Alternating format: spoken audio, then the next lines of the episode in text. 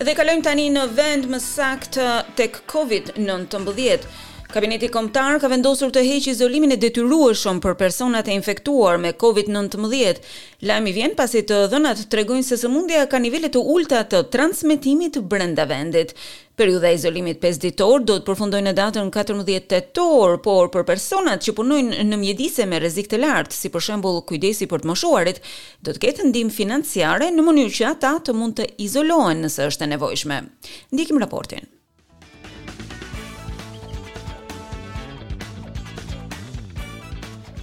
Australia i ka dhënë fund izolimit të detyrueshëm për personat e infektuar me Covid nëntëmbëdhjetë. Ligji hyn në fuqi në datën katërmbëdhjetë tetor. Pagesat e mbështetjes do të përfundojnë në të njëjtën datë, megjithatë do të ketë ndihmë financiare për persona të cilët punojnë në mjedise me rrezikshmëri të lartë, si për shembull kujdesi për të moshuarit. Shefi i mjekësisë, Paul Kelly, thotë se këshilla e tij për qeverinë ishte që për momentin në Australi ka nivele shumë të ulëta të transmetimit, si dhe norma shumë të larta të vaksinimit. It does not in any way suggest that the pandemic is finished. We will almost certainly see future Vendimi ynë nuk sugjeron në asnjë mënyrë që pandemia të ketë mbaruar. Me siguri do të shohim rritje të infeksioneve në të ardhmen, siç e pamë edhe në fillim të vitit.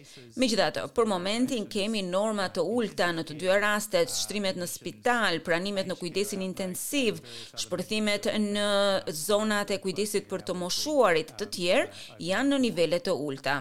Këto i kemi ndjekur me shumë vëmendje në raportin tonë javor, tha ai.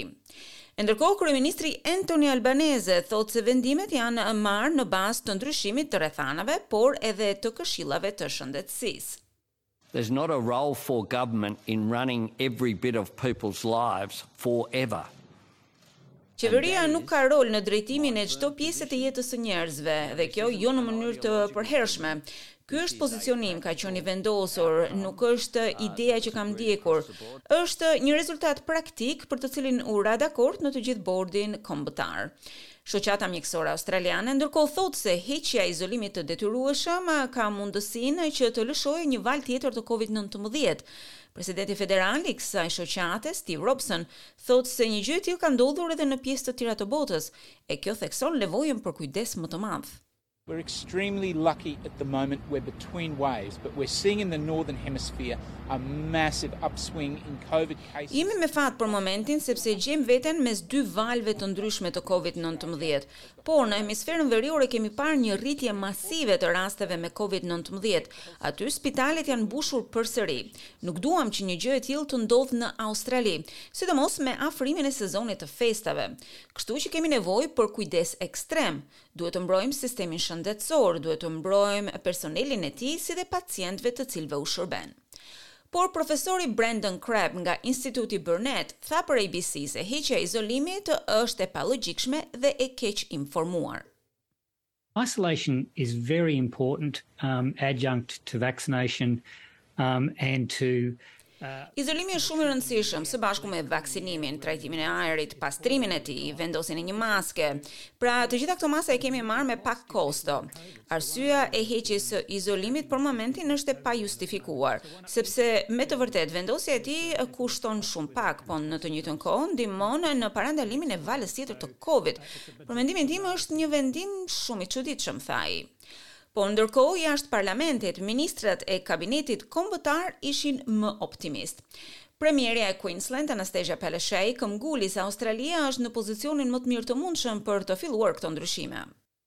I think the key message here is people should get back to their offices as well. This is good for the economy. Mendoj se mesazhi kryesor është që njerëzit të kthehen nëpër zyra.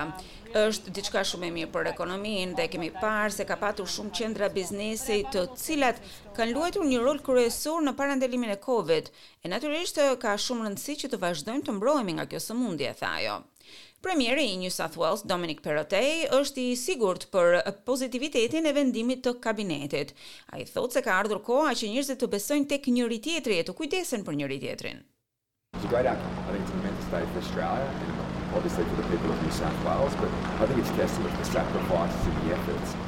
Është një rezultat i shkëlqyer. Është një ditë shumë e rëndësishme për Australinë e padyshim për banorët e New South Wales. Mendoj se kjo është dëshmi e sakrificave dhe përpjekjeve që kanë bërë njerëzit këto dy vitet e fundit. Ka qenë një periudhë shumë e vështirë, megjithatë sot është dita për të reflektuar mbi arritjet tona. Nëse jeni i sëmurë, qëndroni në shtëpi. Do të ketë ditë kur do të kujdesemi më shumë për të tjerët e për njëri-tjetrin. Nëse jeni i sëmurë, qëndroni në shtëpi. Nëse nuk jeni i sëmurë, shijoni New South Wales. Premieri i Australisë së Jugut, Peter Malinauskas, tha se arritja e një konsensusi ishte një rezultat pozitiv për vendin. To be able to receive the updated health advice from the national chief medical officer puts us in a position. Ishim në gjendje që të merrnim këshillat e përditësuara shëndetësore nga shefi i mjekësisë australiane. Një vendim i tillë na vendos në një pozicion më të mirë për të lehtësuar kufizimet e izolimit. Jam i angazhuar për ta bërë këtë që në momentin që u bëra premier. E mendoj se qëndrueshmëria kombëtare është diçka që ia vlen të ndiqet. Jam i lumtur që këtë kemi arritur ta bëjmë edhe sot, tha ai.